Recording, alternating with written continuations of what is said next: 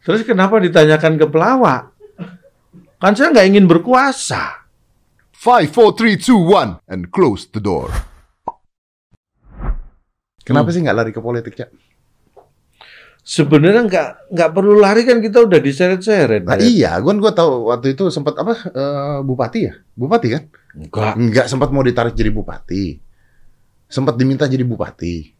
Iya toh. Ya bupati pernah wakil wali kota kemarin juga. Pernah. wali kota di Surabaya. 2019 caleg juga. Banyak yang nawarin sih, Iya. bukan. Tapi memang saya nggak tertarik. Ya kenapa? Karena saya nih, saya itu orang yang tahu sendiri lah, Dad. Saya itu bukan tipe orang yang kemaruk. Tahu artinya kemaruk kan? Tahu. Apa? Serakah. Nah, Nah. Mungkin di menghindari lah. Kalau toh saya serakah pun, ya namanya manusia kadang-kadang juga boleh lah. Iya. Tetapi saya selalu menghindari hal-hal yang mengarah saya memanfaatkan apa yang ada kondisi sekarang untuk semua keuntungan Protes, saya. protes, protes. Apa itu? Protes. Berarti Kenapa? Anda mengatakan bahwa pejabat-pejabat itu serakah dong? Lo enggak. Loh, tadi Anda menghindari Saya keserakahan. bilang karena mereka berangkatnya kan bukan dari pelawak. Pejabat kan jalurnya mereka memang mengabdi untuk rakyat dari awal, mungkin berpolitik dari awal. Tapi kan ada pelawak lain. Ah, boleh, Boleh. boleh. Itu Tapi kan pilihan. Calontong tidak mau. Saya punya prinsip sementara ini saya masih ya di dunia ini untuk entertain masih buat saya itu pilihan terbaik lah. Tapi bisa jadi pejabat. Ya buktinya saya diajak mereka menilai saya bisa dong. Enggak maksudnya Perkara saya bisa atau enggak ya enggak tahu. bukan maksudnya bisa satu saat nanti berubah bisa pikiran. jadi, bisa, jadi. Karena karena itu sebenarnya apa ya? Buat saya kadang-kadang bahasanya orang kalau ini bentuk pengabdian kepada bentuk ini kan seperti itulah Hmm. bahasa bahasanya pakai seperti itu kan ya bisa jadi suatu saat saya berpikiran kayaknya kalau saya melakukan ini lebih baik juga gitu Aku tuh pernah ngobrol sama Sandiaga Uno. jangan sombong saya juga pernah ngobrol sama dia Dad gimana pamer banget sih Iya juga sih. Iya terus terus terus intinya itu apa maksudnya intinya adalah gue sempat tanya sama dia, "E, bro, politik itu kotor dan jahat tidak? Terus dijawabnya sangat. Hmm, hmm, Politik itu Hmm. kotor dan jahat. Hmm. Gitu. Makanya kan orang bisa membenarkan itu supaya jadi benar dan sebagainya. Nah, saya tanya pertanyaan yang sama sama Cak Lontong. Hmm. Politik itu kotor dan jahat tidak? panjang, Nih. ini panjang, Enggak, panjang. enggak, enggak. Saya mengatakan kita juga tidak bisa ngomong kalau politik itu kotor atau tidak. Karena begini, politik itu kan sebenarnya ilmu. Mm-mm, Sama dengan kedokteran, mm-mm, sama dengan ekonomi, mm-mm. sama dengan hukum, ya kan? Itu adalah sebuah ilmu. Ilmu sebenarnya juga alat untuk manusia untuk membantu supaya hidupnya lebih baik. Mm-mm. Yang namanya ilmu dan alat tidak ada dong dia kotor. Yang bikin kotor kan yang menggunakan ilmu dan alat itu. Manusianya. Otomatis karena yang menciptakan itu manusia. Klise ini. Nah, klise memang, tetapi faktanya memang seperti itu. Artinya gini. Saya tanya, Oke. pisau kayak kayak saya ngomong, pisau itu bermanfaat atau tidak buat orang? Bermanfaat. Tapi dia bisa membunuh buat orang lain. Betul. Berarti manfaatnya pisau itu untuk membunuh orang lain. Ya, enggak. Kita jangan Tapi berkesimpulan. bisa. Bisa. Berarti Bagaimana menggunakannya kan? Kalau untuk membunuh orang ya bisa membunuh. Untuk Iya. masak bisa, untuk motong tali bisa. tapi kan di dalam politik Anda akan dikelilingi oleh orang-orang punya kepentingan-kepentingan. Itulah makanya politik itu kan ilmu bagaimana kita bisa mendapatkan kekuasaan. Ya itu. Kan senggol kanan, senggol kiri mendapatkan kekuasaan. Sedangkan kekuasaan itu adalah hampir dikejar oleh hampir semua orang. Betul. Makanya itu sedangkan piramidanya kan begini. Betul, Yang maksud gua itu berkuasa tuh. pakai- otomatis kan bersaing. Itu maksud saya tadi pertanyaannya Nah. gitu loh. Terus kenapa ditanyakan ke pelawak? Kan saya nggak ingin berkuasa.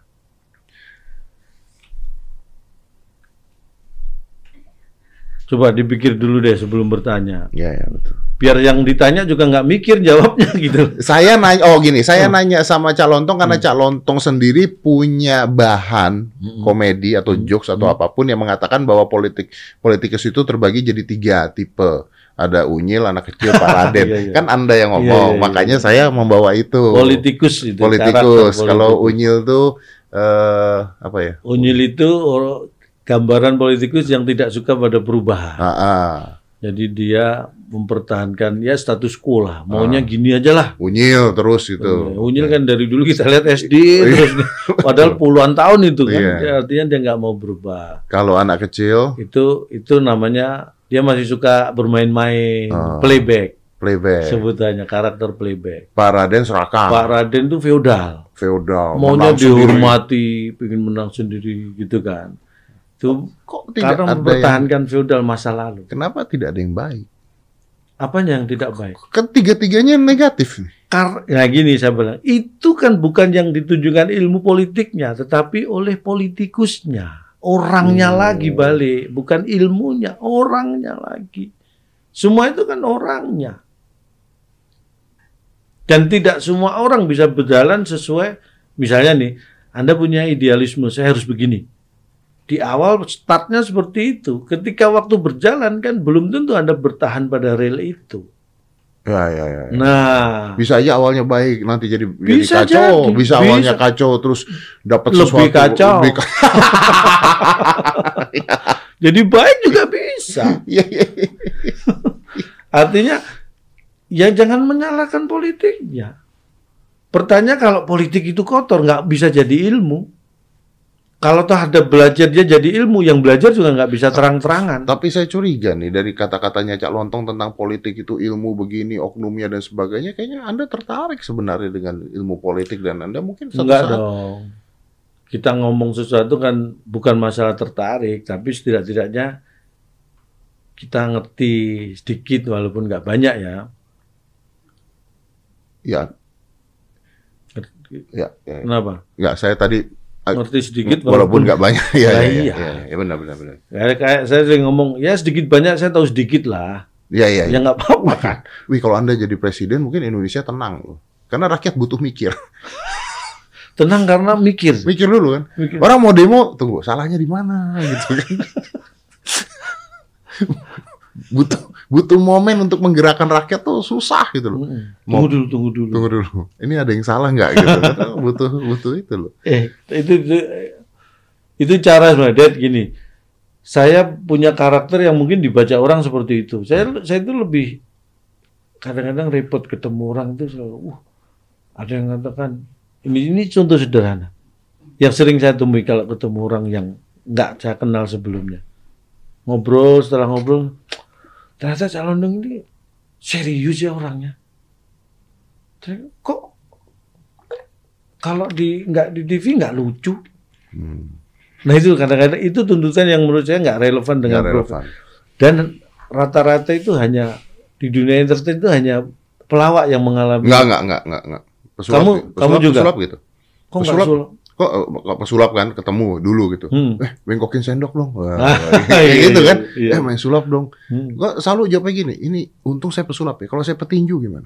Nah, Kan nggak mungkin. Eh, tonjok dong. Nggak Nah, mungkin iya, kan. Makanya kayak gitu itu kan beban profesi itu ada kan. Pasti ada yang mereka nggak ngerti, Cak, bahwa Hmm. itu adalah seni gitu. Benar. Ah, Jadi, nah bedanya lagi bahwa apa pun itu kan ada tetap itu dipahami sebagai profesi. profesi pekerjaan seni Nah, gitu. bedanya dengan pelawak itu apa?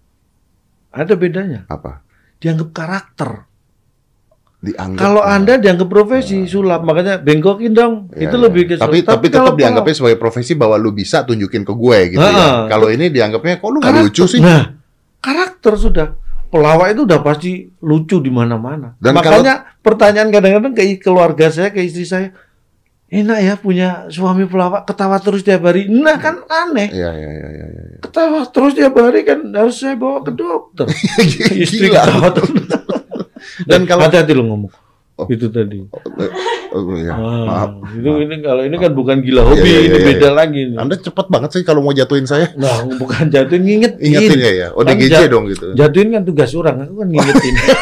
Ingetin orang buat jatuhin. Ya, dan kalau misalnya dia ketemu, udah gitu ternyata tidak lucu, kecewa. Nah, kan kita nggak bisa mengukur dia puas atau kecewa. Kan aneh kalau dia kecewa kan Anda yang tidak memahami dengan benar terus Anda kecewa kan lucu. Terus kita yang jadi bahan untuk kekecewaan mereka. Ah, ternyata calon lu nggak lucu lah. Urusannya apa? Iya. Dan sebenarnya mostly pelawak itu nggak lucu.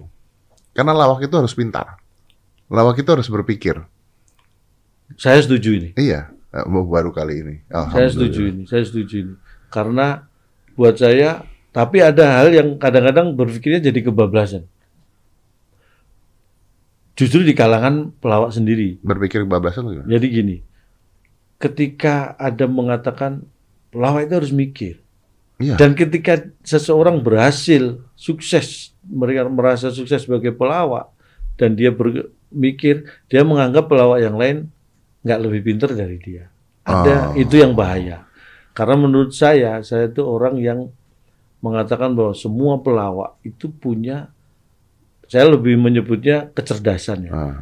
di, di bidangnya dan di masanya. Oh, dan kalau- itu bisa berbeda. Kalau mau ngomongin pelawak, walaupun kita nggak sebut nama, kan Hmm. saya kenal banyak pelawak juga. Pasti. Ada Eh banyak. jangan salah, saya juga kenal banyak Iya, iya, pelawak. iya. Saya sombong ya terlalu Iya, jumawa terlalu- ketika Mm-mm. ngomong kenal, ah, tapi karena saya kenal Sandiaga Uno juga nah, tadi. kayak betul, tadi. betul.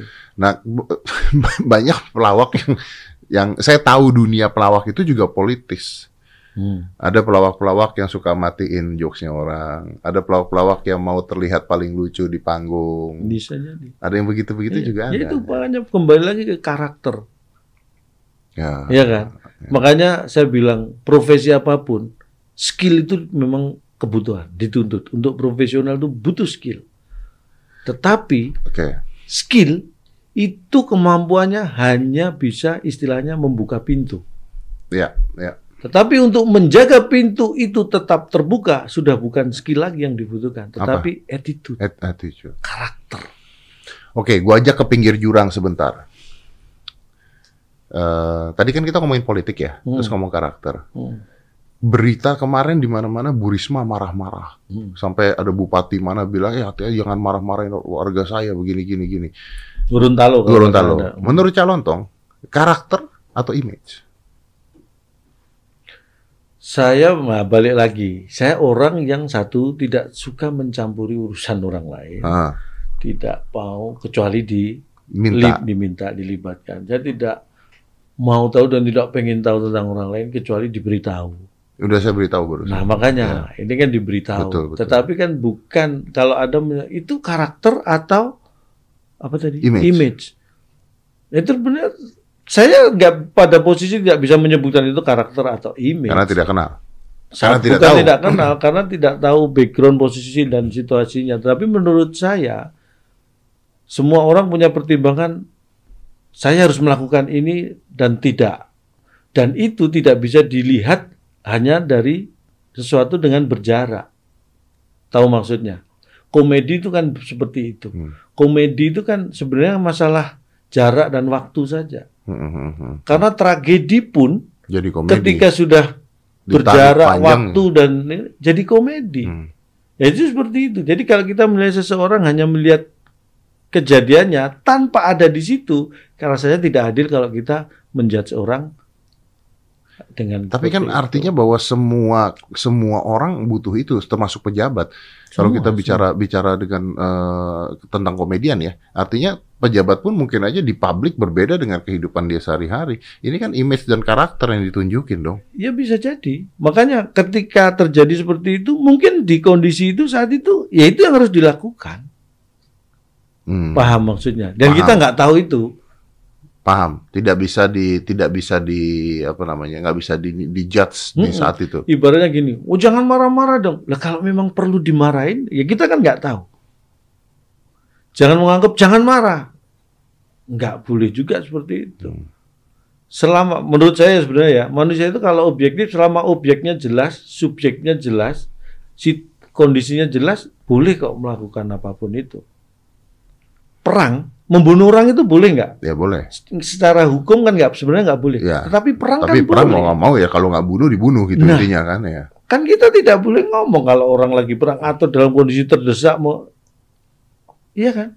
Jadi bukan membunuh orang, bukan marah-marahnya yang kita Oke. judge. Artinya ada, ada kefleksibilitasan di dalam di dalam eh, berperilaku. Iya dong. Ah, Ukurannya kan macam-macam, ukurannya macam-macam. Ukurannya macam-macam itu gini. Sama-sama yang dilakukan pun menurut saya, ini untuk yang ukurannya misalnya gini lah. Buat seorang Deddy Corbuzier, misalnya nih, ah.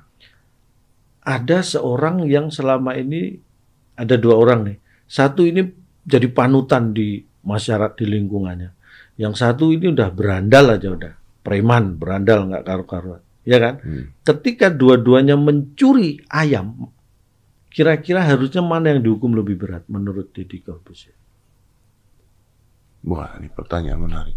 Yang satu berandal, Yang satu preman, pengangguran, Oke. preman, suka mabuk segala macam. Yang satunya ini panutan masyarakat. Ini tokoh masyarakat yang dihormati panutan, karena ilmunya. Karena, panutan, terus dua-duanya ini sama-sama melakukan iya. mencuri ayam. Mana yang harus dihukum lebih berat? panutan. Kenapa? Karena dia harusnya kalau dia melakukan itu eh, trust isu masyarakat jadi rusak. Karena harapan masyarakat jadi hilang. Artinya kita tidak bisa menjudge sesuatu hanya dari apa yang dilakukan. Walaupun sama kejadiannya. Walaupun sama, sama kejadiannya. mencurinya. Tapi orang yang berbeda, karakter yang berbeda, punya dampak ke efek masyarakat yang berbeda. Oh. Harus di- Kalau preman suka mabuk, ya wajar lah nyolong ayam dia dapat duit dari mana? Itu Pekerjaan mencuri juga secara moral dia Itu dia kenapa koruptor dihukum harus seberat-beratnya, harusnya. bukan maling ayam yang dihukum berat. Karena maling alam jelas hukumannya. Kalau koruptor itu kan banyak banget indikasinya ya. Iya, iya, iya. Jadi kadang-kadang malah kabur. Bukan hanya kabur pasalnya, tapi kabur orangnya Orang- juga bisa.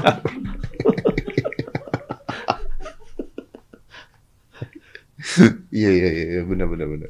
Ya, tapi masyarakat kita sekarang juga kan udah mulai ini kan mulai apa agresif sekali kalau Hmm. ada koruptor dan sebagainya. Hmm. Wah, apalagi koruptor minta dikasihani gitu kan. Dan, iya, iya, memang. ya kita nggak mau ngurusin itu ya, bukan Iya, bukan urusan kita. jangan, bukan. Tapi maksudnya itu Ya, terjadi tapi gitu. Itu terjadi di masyarakat kita, kita berhak menilai dan harus tahu itu Iya. bahwa ada orang seperti itu. Ada gitu. gitu loh. Dan itu Ada. yang Ya walaupun kita nggak tahu dalamnya seperti Hmm. apa ya, karena kan politik nggak se nggak segitunya Hmm. gitu lah, bisa Makanya aja. semua itu gini loh. Kalau kita sudah tidak percayakan semua hal yang ngapain, Ah, gitu kan. iya, nggak iya, akan iya. terjadi karena politik itu ada, hukum itu ada, Ah. semua. Walaupun ideal mungkin belum ada, belum ketemu dan belum terjadi, Iya, tapi itu harus itu ada. ada. bukan karena perilaku orangnya terus akhirnya itu ditiadakan, bukan, Ya, ya, ya ya. kan? Tapi di masyarakat yang seperti ini sekarang ngerucu pun jadi susah. Sangat, Ah. bukan cuma susah, sangat susah. Tapi anda kan nggak pernah kena masalah. Karena memang saya bukan tipe orang yang suka cari masalah. Bukan, bukan gitu. Maksudnya komedi komedinya Cok Lontong itu kan nggak pernah nggak pernah kena masalah. Ngerasain nggak kalau sekarang lebih susah? Lebih hati-hati nggak sekarang? Duh. Enggak, sebenarnya gini. Karena saya lebih hati-hati mulai dari dulu. Dari dulu. Jadi gini, kenapa saya pakai mikir? Ah. Kan apa ya? Istilahnya brand saya itu kan mikir. Ah, ah. Karena menurut saya begini deh. Orang itu kalau diawali sesuatu dengan mikir itu minim bisa jadi 50% potensi masalah yang datang itu bisa hilang. Syukur-syukur lebih dari itu. Oh. Kalau sebelum ngomong, sebelum bertindak, sebelum apa pun dia sudah mikir, mempertimbangkan dulu, syukur-syukur nggak ada masalah setelah itu. Dari apa yang diomongkan, dari apa yang dilakukan. Tapi kalau nggak mikir, maksimal potensi masalah bisa datang. Jadi maksudnya kata-kata mikir itu untuk memberikan ke masyarakat untuk berpikir opini dulu gitu. Jangan jangan langsung Buat saya, ya terutama buat saya juga mikir. Makanya saya ngomong seperti tadi, kamu, kamu nyebutnya kan, oh nggak ada, jarang ada masalah. Ya karena saya berusaha mikir. Jadi yang itu aja masih ada walaupun nggak ini ada yang sering bukan sering ada yang protes juga ketika saya habis perform ada yang protes. Ada yang protes. ada. Ada pernah dulu tapi ini kejadian sudah lama dalam arti lama itu begini. Dan bukan di sosmed gitu ya. Setelah saya perform ada yang datengin salah satu audiens gitu. Intinya protes keberatan dengan materi saya. Hmm. Karena dianggap saya dia mengatakan dia seorang perempuan ini mengatakan materi saya itu merendahkan perempuan Hmm. menganggap perempuan itu enggak Berat nih, berat nih. ada ngomong gitu juga orang tapi saya katakan begini saya jadi saya ngomong ketika saya menggunakan istri saya sebagai materi lawakan saya bukan berarti saya merendahkan perempuan satu, oh itu jelas ngelawak kok. Kenapa dianggap serius kan? Yang aneh kan orangnya, Iya, meh. Loh, kalau itu ya kan? itu udah itu kita semua paham. Iya, ha, tadi itu. Yang kedua, kan saya jelas-jelas ngomong ini istri saya, bukan istri orang lain, bukan wanita lain, bukan ini. Tidak semua perempuan Yang gitu saya intinya. omong ini kan saya jelas-jelas istri saya itu gini-gini. Yang harusnya protes kan istri saya kalau saya omongin gitu. Ya. Buktinya istri saya nggak pernah protes. Protesnya istri saya kan kalau telat transfer aja. Bukan karena saya ngomong membawakan Ya. dia sebagai materi. Ya karena tidak menyatakan bahwa mewakilkan semua wanita Nah, gitu intinya itu- kan. Itu Ya. yang saya jawab seperti itu. Ya. Dan dia akhirnya dia memahami. Kan saya tidak menjudge Anda seperti istri saya. Saya ngomong ini kan korelasinya jelas. Uh, berarti harus hati-hati sekali ya. Semua sekarang makanya mikir itu. Oh yang sudah sih mikir aja masih ada seperti itu. Apalagi yang enggak kan gitu. Karena banyak teman-teman stand up yang akhirnya nggak berani uh, online gitu kan. Ada banyak Karena banyak. jokes-jokesnya nggak bisa diterima oleh masyarakat. gitu. Ah, Yang paling lucu sih menurut gua si Dani. Hmm? Eh, Dani yang eh, difabel yang Iya, di iya, kursi iya. roda Hmm, itu. tahu. Karena dia pernah cerita dia ngejokes tentang dirinya. mm, Udah selesai ngejok disamperin sama orang yang Hmm. tidak difabel. mm, Jadi orang yang normal lah Hmm, gitu. Terus hmm. orangnya marah-marah. protes. Anda jangan ngejokes tentang orang-orang difabel. Dia bingung, difabel gua, gua yang ngejok. Anda tidak difabel, Anda marah-marah sama saya. Tapi ini bagus nggak, Cak? Ini kita Apa? ngomongnya serius. Karena Hmm. kalau zaman dulu, saya kan kemarin kan ngobrol sama Om Indro. Hmm. Zaman dulu itu kan komedi-komedinya eh, Warkop itu melecehkan wanita ada mungkin. Hmm. Hmm. Mungkin ada seperti itu. Hmm. ada yang eh, komedi-komedi yang jatuh dikeplak dan sebagainya sebagainya itu ada gitu ya dan itu kan diputar ulang diputar ulang diputar ulang orang nggak marah loh ngeliat itu Ya. Kayak gini. Sebenarnya menikmati sesuatu itu harus pada porsinya kan. Wah, Mungkin satu itu orang memahami bahwa ya itu kan diproduksi kapan. ya Dulu masa karena komedi itu ya pada masanya, pada masa seperti itu sangat masa sekarang mungkin sudah nggak relevan harus dimodifikasi kan gitu kan. Hmm, hmm.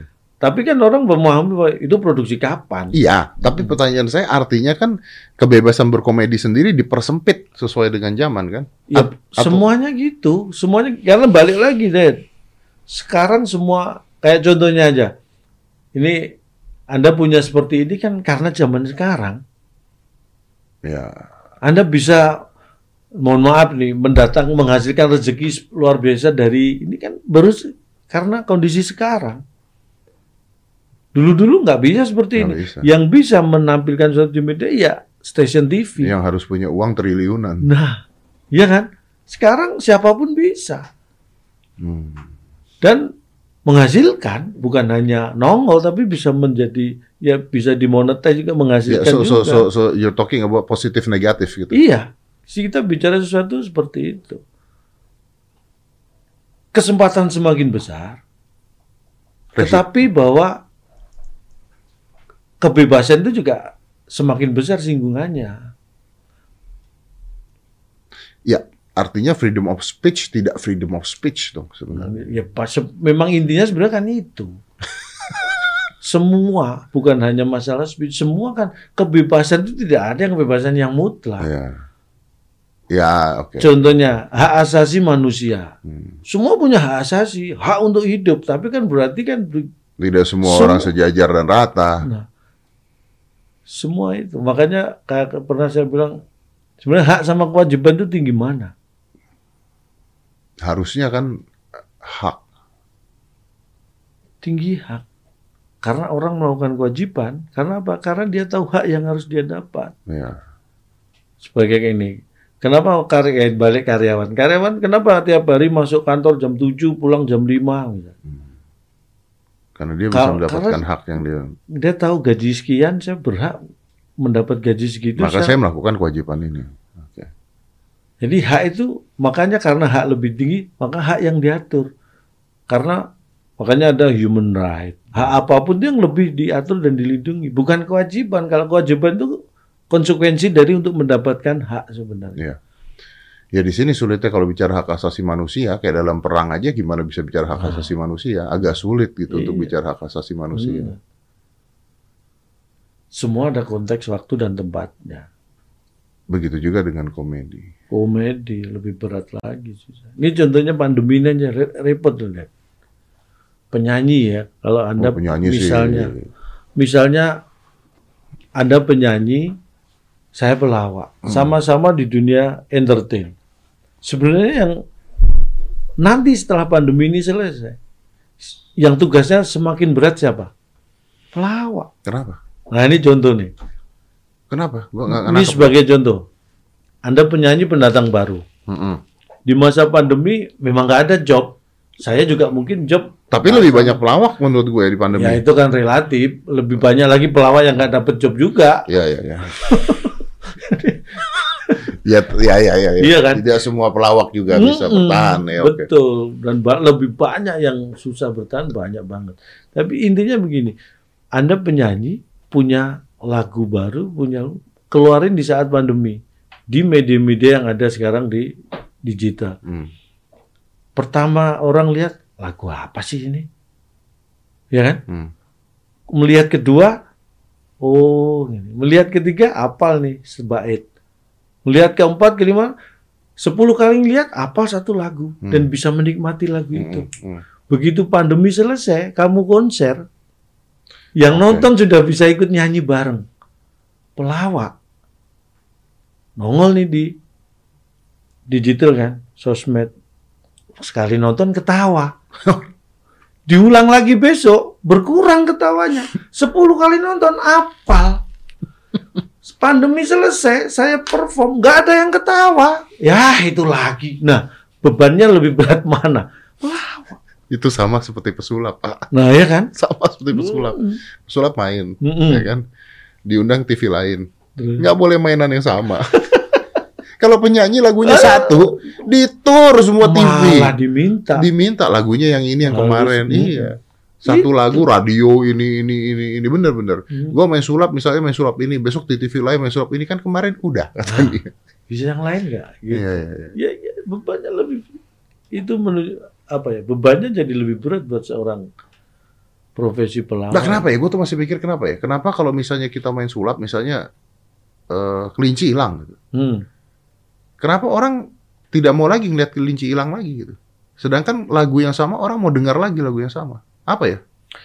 Nih gini, lihat bedain antara visual dan hanya Audio. Audio. Audio itu lebih kuat daripada visual. Kalau lebih kuat harusnya Lebih kuat penerimaannya, tapi lebih ringan penolaannya. dia lebih sustain gitu. Berarti. Nah, lebih sustain. Contohnya, Anda merem, tiba-tiba dengar lagu tahun 70-an. ke bawah. Nah, Iya, iya, iya. iya. tapi visual visual itu menap ya itu tadi. Orang begitu ngeliat, ya, karena yang dibutuhkan kan surprise. Kalau mata itu kan. Oh. Kalau sudah dilihat dan aduh itulah. Ah, udah nggak ada surprise, nggak ada yang pengen Efek dilihat. kagetnya itu. Nah, ngelawak juga gitu, Ya makanya- kickernya ngelawak itu. Nunggu nih, nunggu, nunggu, Makanya- nunggu, nunggu, Nah, nunggu. kalau yang ditunggu udah nggak ada mau ngapain? Iya, iya, iya, iya, iya. Iya, iya, iya, ya. I, I, I watch your video kemarin, eh, bukan kemarin sih, berapa bulan yang lalu, eh, ketemu di beranda pada saat Cak Lontong ngomong bahwa waktu kecil belajar matematika nggak bagus, terus disuruh keluar dari kelas, sama aja di luar kelas, di dalam juga nggak bagus juga. Itu kan Cak Lontong. Terus ngomong kalau anaknya jelek matematikanya, jangan panggil saya apa-apa. hmm. Begitu pulang-pulang, matematika gimana? Maaf om siapa gitu. Itu saya ketawa ketika nonton itu. Yes, eh, ketika diulang-ulang ya jadi tidak lucu lagi Hmm, karena sudah kickernya udah tahu mau ke mana Iya. arahnya. Iya. Ah, ya, Makanya melawak sekarang untuk cari media untuk cari materi lebih banyak, tetapi mencari materinya justru lebih susah. oke, saya paham cak. Mu- Mungkin gini cak, Eh, saya juga nggak mau ngambil waktunya cak lontong terlalu lama. Mungkin gini. Tapi apa yang membedakan antara eh, pelawak atau siapa pun lah ya yang bisa bertahan di masa pandemi ini dan yang tidak? Kan tadi Cak Lontong mengatakan ya ada yang tidak bertahan, tapi ada loh yang bertahan, Hmm. ada loh. Sebenarnya kalau menurut saya yang balik lagi, ini kan masa yang semua orang mengalami, bukan hanya pelawak nih ngomong kan ya. Betul. Pandemi ini dialami oleh semua orang dan semua profesi dan semua ada dampaknya. Tapi ada profesi yang justru ini bukan ngomong keuntungan, tapi justru lebih banyak ber, mendapat kesempatan pada masa pandemi ini. Kayak contohnya eh, orang-orang stage aja, orang panggung mati udah. Oh, mati. Tetapi orang-orang. IT justru malah berkembang. Iya, Telekom virtual Berkembang. berkembang. Hmm. Yang menguasai teknologi itu punya kesempatan lebih besar. Hmm. Nah, kalau dibilang pelawak ya sama sebenarnya. Yang bisa memanfaatkan kesempatan ini itu yang berhasil melewati pandemi. Karena yang akan menjadi pemenang kan siapa yang memberikan respon yang paling cepat dan tepat di masa yang Tapi saya nggak melihat hal itu di Calontong. Enggak. Orang, nah balik lagi. Orang punya strategi masing-masing. Ya kan, Calontong tidak la- lalu tiba-tiba gilain sosial medianya dan sebagainya gitu. Tapi you stay on the top dan masih masih oke. Ini, ada hal kecil yang yang menurut saya jadi itu terjadi mungkin lima, tahun 2012 2013 yang lalu. Itu hampir tujuh tahun yang lalu ya. Aku punya teman kuliah ngomong gini. Dia di Surabaya aku di Jakarta. Dia WhatsApp ke aku. Aku kemarin nganterin anakku yang anaknya waktu itu kalau nggak salah masih SMP atau nonton show-nya seorang stand up comedian di Surabaya Hmm.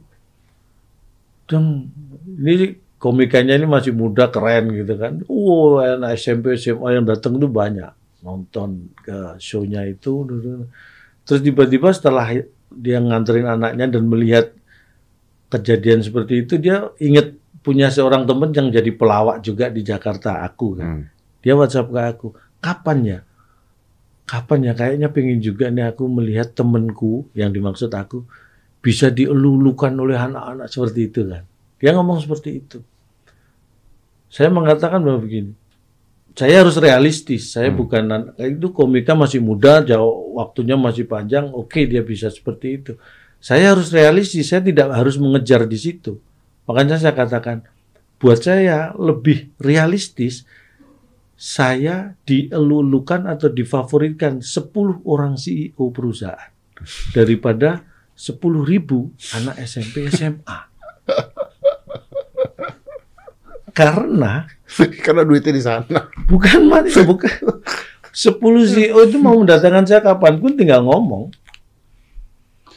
Tapi anak-anak seperti itu mendatangkan aku ya. Kalau kita bukan ngomong merendahkan, tapi kan iya, iya. mekanismenya beda gitu. Dan saya tidak realistis kalau saya menanya nyasar ke pasar yang itu. Itu tempat mereka. Saya nggak boleh mengganggu itu dan saya nggak akan berhasil di situ. Iya, iya, iya. Kalau saya bisa, ya saya di sini posisi saya. Artinya strateginya pun berbeda. Strategi berbeda, sama profesi strategi bisa. Lebih baik Cak Lontong mencari komedi, komedi bahannya pun berbeda. Lebih baik nyari jokes-jokes komedi-komedi yang masuk ke mereka yang mampu membayar karakter yang Cak Lontong buat dibandingkan coba terjun ke sesuatu yang secara usia dan sebagainya maksa, Iya, gitu. maksa. Tuh. Makanya kita kan Anda menyampaikan tadi, tapi Anda nggak. Nah, strategi memang beda-beda. Berarti tidak semua orang harus mengikuti perkembangan zamannya juga dong. Kalau dia punya strategi yang berbeda ya, maksudnya ya. Ya dong. Begini, begini. Mengikuti perkembangan zaman itu harus. Hmm. Tetapi tidak boleh diperbudak oleh jam- Artinya zaman, gini, ya. kalau saya nggak gini, wah mati saya. Nggak bisa seperti itu. Ya. harus punya strategi untuk bisa bertahan juga. Ya artinya Walaupun nggak, jangan tiba-tiba Cak. Lontong bikin vlog keluarga gitulah intinya lah. Berarti ya, ya ya ya gitu kan intinya Hmm. kan. Oke, karena ketika bikin vlog keluarga orang lihatnya jadi jijik. aneh. Ini apaan sih orang begini? Satu itu, yang kedua saya juga melakukannya juga. Nggak nggak sepenuh saya hati. gitu. Ya, ya, ya. Dan nggak akan bagus ketika melakukan Nah, itu. saya tahu bahwa sesuatu yang tidak dilakukan dengan apa hati dengan ini dunia saya nggak akan maksimal. Ya tapi kalau gitu artinya Cak balik-balik lagi pencarian bahan, penulisan. Ya itu. Itu yang paling penting ending Ya memang apa pun kondisinya itu mutlak syarat mutlak untuk Iya. bisa. Jadi survive-nya berkembangnya mengikuti zamannya di, di situ. situ. Itu nomor satunya. Iya. Mungkin komedinya bisa tentang sosial media Bisa. gitu. Tapi yang masuk ke Bisa. CEO CEO. Kalau misalnya perform, saya nggak bisa suruh ngomong lu gue lu susah saya ngomong gitu. Cara membawakannya, deliverynya dengan gaya gitu nggak bisa saya. Ya nggak masuk. Saya, Anda Ya, ngomongnya lebih seperti lebih ya ya memang tapi saya sebenarnya juga beruntung karena justru pada posisi tidak di ada situ sa- tidak, ada terlalu lawan. banyak Iya, iya. tidak terlalu banyak yang bersaing di situ Target marketnya jelas, Heeh. tinggal diperbesar aja tuh targetnya ya, targetnya Iya, ya. Tapi nggak ke mana-mana gitu targetnya ya. bener. wow itu buat saya lebih efektif karena yang kita butuhkan sekarang kan efektivitas juga Tapi sangat efektif, sangat sangat efektif Sangat. menurut saya. Benar, benar. Karena saya ngelihat, maaf ya, maksudnya bukan menyindir siapa pun itu. Saya ngelihat ada gitu pembawa acara pembawa acara yang misalnya umuran saya gitu ya, Hmm. empat lima empat enam gitu ya, yang udah nggak di TV, terus bikin YouTube, eh, TikTok dan sebagainya, joget-joget dan sebagainya. Hmm, ya itu memanfaatkan media tapi nggak tahu harus ngapain iya gitu. Iya. akhirnya terbawa dengan karena media ini gayanya gitu ya dia terbawa gaya terbawa itu. dengan gaya itu. Iya kalau ngeliat anak 20 tahunan joget-joget oke lah gitu. Kalau gua ngeliat anak udah, udah gocap joget-joget kan nggak dapet gitu loh. Iya, iya. Ya sekali dua kali oke lah maksudnya untuk fun, tapi bukan larinya ke sana gitu Hmm. endingnya. Tapi kan tidak semua orang bisa melakukan seperti yang Anda sebutkan tadi, Ya, ya, ya kan?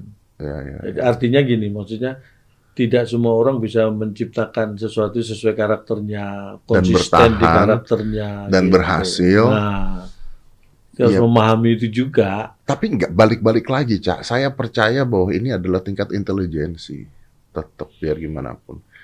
Loh, Saya saya nggak saya nggak mau menyombongi diri saya. Tapi maksudnya gini, ba- banyak orang yang kalau saya diwawancara orang tuh selalu mengat, orang pertanyaan wartawan atau pertanyaan orang adalah gimana caranya Mas Dedi dari zaman dulu sampai zaman sekarang bikin sesuatu bikin sesuatu berhasil. Contohnya Hmm, begitu. hmm. Ya gue jawab, yang nggak berhasil ya banyak lu nggak tahu aja.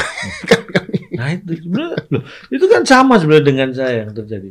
Banyak hal di yang saya lakukan yang sebenarnya tidak berhasil. Artinya untuk menjadi pada posisi seperti sekarang itu bukan dari dulu seperti sekarang, tapi banyak hal yang banyak yang gagalnya banyak dan banget. itu tidak banyak orang tahu. Iya, tidak Dan- perlu dikasih tahu juga. Dan buat saya itu memang untuk Iya, saya, aib buat gue juga.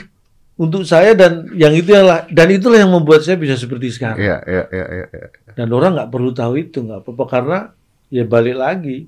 Walaupun itu ilmu buat saya, kalau itu saya share belum tentu ilmu buat orang Nggak, lain. nggak bisa. Semua itu Nggak tergantung. Nggak bisa, makanya saya tuh selalu ngomong bahwa eh, tanpa mengurangi rasa hormat pada apa pembicara-pembicara motivasi gitu ya. Saya kalau disuruh bicara motivasi di atas panggung, saya bilang bahwa apa yang saya sebutkan ini belum tentu bisa buat lu semua loh. Iya. Jalan orang beda-beda, semuanya beda-beda. Ya resep aja resep. Dokter kasih resep kan juga Iya. belum manjur buat kamu belum, Belum tentu, tentu loh manjur buat, walaupun iya. sama-sama sakitnya Iya, gitu. iya, betul, ya betul. seperti itu. Tergantung ada hal yang bisa kita lihat dan itu pasti berhasil. Ada hal di luar faktor X orang nyebutnya yang kita nggak tahu kenapa itu. Dan banyak masyarakat yang atau anak-anak muda itu yang salah melihat contohnya gini, mereka dari kecil atau dari remaja, gue mau jadi youtuber aja lah, gara-gara youtuber gini, atau gue mau jadi komedian, di komedian begini-begini. Yang anda lihat tuh yang berhasil, Nah, tuh yang nggak berhasil. jauh lebih. Waduh, karena mereka tuh sekarang pengen yang instan gitu. Mm-mm. Pengen lihat, wah ini gini loh. Sama kayak atlet, yang anda lihat yang berhasil. Bener. Ya Iya. karena yang nggak berhasil emang nggak ikut lomba. nggak berhasil. Nggak nyampe sana, jadi nggak kelihatan. Iya. Iya. prosesnya itu yang kadang-kadang apa ya dulu kan kita mengalami pada titik di mana orang merasa ingin menunjukkan sebenarnya saya bisa Hmm. tapi saya nggak belum ada yang memberi kesempatan Hmm. padahal di dunia kita itu kan selain kita mampu kan kita Kesempatan. juga butuh yang memberi kesempatan Tapi akhirnya kita bersiap-siap untuk mendapatkan kesempatan tersebut loh, Cak. Di zaman kita. benar karena karena rumusnya kan gini kesuksesan itu ketika timing dan persiapan Ketemu, ketemu, betul. kesempatan dan persiapan ketemu Betul. itulah men- Iya, kesuksesan. Iya. Ketika kesempatan ada kita nggak siap ya juga nggak akan Iya. muncul kesuksesan. Nah, sekarang kesempatannya keterbukanya terlalu banyak. Nah, akhirnya satu nggak fokus dulu, terus kedua bisa salah pilih. Iya sih. Bener sih. Kalau dulu kita amal lakukan, pokoknya namanya ukuran pelawak, ya pokoknya muncul di TV. Kalau dulu kan gitu, udah titik. Iya. Tapi kita siap dulu. iya, artinya Iya. targetnya kan jelas. Betul, betul. Muncul di TV, kita harus mempersiapkan. Betul, tapi kan tapi pengalaman kalau gue saya lihat dari saya nih cara Hmm. untungnya saya main sulap dulu dari dunia fantasi dari mana Iya, dari iya, iya. oh muter-muter-muter baru dapat kesempatan di TV. Betul. Artinya kan persiapan kita udah siap Iya, dulu Bener, gitu. bener. Kalau sekarang kan dia bisa membuat YouTube-nya sendiri, TikTok-nya Ya, sendiri. Karena itu. Dan dibalik ini orang-orang yang sudah terbiasa di dunia TV seperti anda gitu jauh lebih gampang kalau mau terjun di Dunia media sosial. media sosial. Karena Tapi tidak bisa sebaliknya. iya. Tidak segampang sebaliknya Iya. Karena orang yang besar di media sosial begitu dimasukkan ke Kaget. industri TV karena saat masalah disiplin beda. kaget. Terus bagaimana kita berinteraksi dengan orang ya kan? Orang kalau mau bikin konten YouTube sendiri kan kapan pun dia mau mau libur seminggu nggak ada yang protes. Cah, acara kan? TV apalagi zaman dulu masuk awal-awal masuk TV jam 9 malam kita jam 1 udah di sana. iya makanya. Itu masih mending. Kita sebulan dua bulan sebelumnya diajak meeting giliran produksi ditinggal juga ada, banyak, banyak. banyak, banyak. Ininya doang diambil. nah itu itu yang menurut saya itu hal-hal yang membuat kita bisa menjadi seperti sekarang itu salah satunya yang seperti itu. Berarti fundamentalnya kuat ya, ya. Harusnya seperti itu. Tapi tapi jangan salah, banyak juga orang yang tidak bisa belajar dari Ya, hal-hal yang dialami. Ya, itu yang ya, yang sebenarnya akhirnya menentukan kalau tadi dikatakan siapa yang akan menjadi pemenang atau yang bisa berhasil ya ditentukan dari siapa yang bisa menjalani dan berubah dari proses yang dijalani. ya, banyak kok yang di TV juga terus hilang sebelum ke mana-mana hilang ya banyak kok, Banyak, banyak sekali. banyak banget. Dunia entertain ya kejam. Ya karena memang ya kita mau nggak mau sehebat apa pun kita kan semua ada waktunya gitu Ya, kan. Yang hebat aja ada waktunya, Apalagi ya. apalagi yang belum, belum. sempat menunjukkan kehebatannya, ya kan. Ya, betul, betul. Walaupun saya yakin sebenarnya punya potensi, cuma belum- kesempatan belum ada, keburu nggak ada, loh. Kesempatan belum ada, keburu nggak ada, kan repot kan. Ya. benar, benar, benar, benar, benar. Aduh, Cak, thank you loh, Cak. Saya terima kasih banyak, Cak. It's an honor, ke kehormatan banget buat saya. Saya Cak juga. Lontong. eh, Nggak, tapi aku mau tanya Oh iya, Cak. Ke kamu juga nih. Kenapa kok? Ini mohon maaf juga karena Oh, aku iya. sebenarnya udah lama kan diundang di sini, Iya. memang baru sempet sekarang hadir. Tapi sombong Anda, sombong Anda. bukan, bukan masalah sombong sebenarnya, karena Lalu. harus ada hal yang lain yang harus saya lakukan aja gitu. Oh iya itu, sombong. Misalnya harus nyantai di rumah.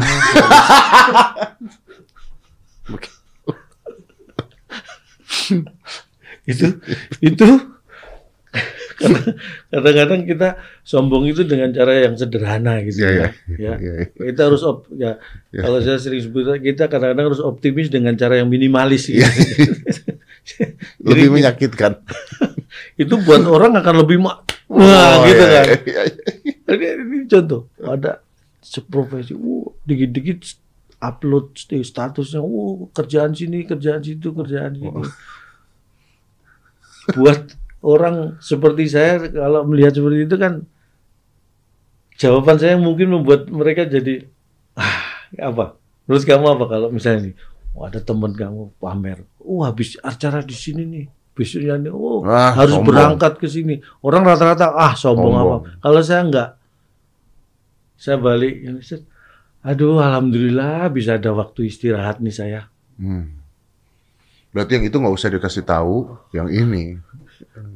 Karena kalau ada Saya waktu sangat- istirahat, saya, sangat. nah, lu ada kesempatan pamer berarti susah cari kesempatan. Iya, benar. Saya susah cari waktu istirahat. Istirahat aja Nah, susah. Walaupun walaupun itu belum tentu fakta, tapi itu ya membuatnya it- jadi cute. Tadi, tadi Cak mau nanya apa? Nah, maksudku kenapa kok kan orang menurut aku yang kalau dunia komedi banyak orang-orang top yang sudah hadir di sini juga kamu undang dan di dunia lagi. Maksudnya kenapa kok Ngejar Cak Lontong. ngotot dari aku ber- dari dulu. Kalau Aneh kan maksudnya apa sih cak lontong aja kok gitu. kalau jujur Cak, saya tuh melihat Cak Lontong itu adalah sat- salah satu bukan salah satu, satu-satunya komedian yang punya konsep yang berbeda sendiri. Nggak ada. Jadi eh, komedi itu terbaca gitu, Eh, stand up komedi dan sebagainya itu terbaca. Dari ya, dari penulisannya dari apanya itu terbaca. Tapi karakter Cak Lontong yang Cak Lontong buat, komedi yang Cak Lontong buat dengan gaya mikir, dengan dengan semua analogi itu nggak ada. Di Indonesia nggak ada. Jadi makanya tadi saya mengatakan gitu, you are eh, one of a kind, you're one of a kind. Dan legend menurut saya. Karena ya legend kan nggak perlu waktu lama ya maksudnya ya. Karena nggak ada. Cara berkomedi Cak Lontong itu uniquely different yang hanya ada di Cak Lontong. Yang nggak bisa diikutin orang lain. Sama sekali nggak bisa diikutin orang lain. Dan menariknya komedi aman. Hmm. ini ini menarik nih Hmm. komedi aman nggak ngomongin orang Hmm. nggak menjatuhkan orang tapi bisa berkomedi sedangkan kebanyakan komedi itu butuh korban. Ya, Nah. keset istilahnya bukan Iya, keset kalau sebut. ya ini anda tidak. Jadi menurut gue ini ilmunya beda sendiri gitu. Sangat beda sendiri. Dan is one of a kind. Makanya saya kejar makanya saya bilang ini kebanggaan bisa dapetin calon lontong di sini. Ini juga kebanggaan buat saya bisa datang ke sini. Enggak juga kan Anda rumahnya dekat saudara Anda kan di situ. Tadi kan Ya kan Anda ngedrop dulu, tadi pagi kan ke sono dulu. kan. Iya, makanya Iya. kalau tapi kenapa saya bisa ke sini? karena Anda tadi kan dari rumah saudara. Enggak, karena kan kita udah janjian sebelumnya. Kalau dari saudara kan sering saya. Kan ke sini karena kita janjian. Oh iya betul. Malah saya ngingetin kan semalam. Semalam gue diingetin. Cuman ngingetin besok jam 10 ya. Oh, jangan sampai lupa. Malah saya yang ngingetin. Iya. Coba kalau nggak saya ingetin kamu Saya pasti lupa. datang, ya benar. berarti sebenarnya siapa yang sombong? Cak, tapi thank you ya, Cak ya. Terima kasih. Sukses terus. Yang saya omongin tadi is all true karena memang eh, calon tuh nggak tergantikan. Udah pasti tidak tergantikan. Jadi Hmm. sebenarnya tuh kalau di posisi calon tuh udah enak lah. Iya, udah enak gitu. Harusnya ya. Iya, Anda tuh bisa mengkritik sesuatu tanpa orang tahu kalau itu sebuah kritik. Ada. Tapi Padahal- itu menarik. Iya, iya, iya. Tapi tahu nggak kuncinya kenapa? Apa? Ada satu hal yang ini menurut saya jangan ditiru. Tetapi ini yang saya lakukan. Apa itu? Saya paling males nonton banyak hal. I got it. Banyak hal. Jadi tidak terpengaruh ya. Ah, tapi bukannya referensi harusnya. Saya bisa mencari referensi dengan cara yang lain. Menurut saya. Dan mohon maaf juga, termasuk podcast ini jarang saya tonton. Oh makasih loh. Sangat jarang saya tonton. Saya nonton hanya sesuatu yang saya perlukan. Misalnya waktu Anda cerita tentang Sitokin. kemarin. Nah, itu saya ikutin tuh. Sampai ngundang dokternya dikasih. Iya, iya, iya. Wah, itu saya Yang yang yang ini gimana nanti ini? Nih, balik lagi kunci. Saya itu jarang nonton termasuk apa pun program saya sendiri. Kenapa? Karakter saya gitu memang. Ini makanya saya bilang dari awal tadi, ini jangan ditiru. Ini mungkin ya Sombong, terbalik. sombong, tidak sombong. tidak berhasil untuk orang lain, jangan ditiru dan cenderung jelek ini. Jangan ditiru. Tapi berhasil buat Cak Lontong. Bisa jadi. Tapi itu ini benar, ini serius. Saya orang yang tidak jarang banget dan tidak pengen Tapi tidak kan ada jadi nggak bisa nggak bisa ngasih feedback ke diri sendiri dong. Itu urusan yang memproduksi dan yang menyaksikan masyarakat. Saya bisa dapat feedback dari banyak. Bukan harus dari saya sendiri. Justru kalau feedback dari saya sendiri akan kurang objektif. Saya kirimkan dalam bentuk kaset VHS deh nanti. Biar ditonton. Ini saya makanya saya anjurkan kalau podcast yang kamu kan nggak usah disuruh semua pada nonton. Alhamdulillah. Kecuali anda ya. Ya kan saya nggak- ada pengaruh. Apa saya harus sakit dulu? Enggak, jangan dong, jangan. Karena itu juga kemarin aku nonton karena juga dikasih tahu. Kalau nggak dikasih tahu juga nggak tahu kalau kamu sakit. Oh. Eh, jadi kami masa sih Jadi dari semua podcast saya itu yang anda tonton itu pada saat saya sakit. cerita Jadi, itu. jadi yang anda senang itu pada saat saya nah, sakit dong. Nih, nonton itu bukan bukan karena senang. Saya mikir gitu, Deddy Corbuzier bisa sakit. Karena denger-denger kan. Oh "Loh, iya. iya. Deddy itu COVID dan dia parah loh. Mama mikirnya kan gini. Kok iso? Nah, saya kan jadi penasaran. Duh, masa sih? Jadi nonton. Nah, pengen tahu makanya. Bener tadi. Ya berarti nanti kalau saya Oh, sakit bener. lagi gitu ditonton lagi dong. Jangan dong, saya kan mendoakan kamu sehat. Oh iya. Biar aku juga nggak repot-repot harus nonton.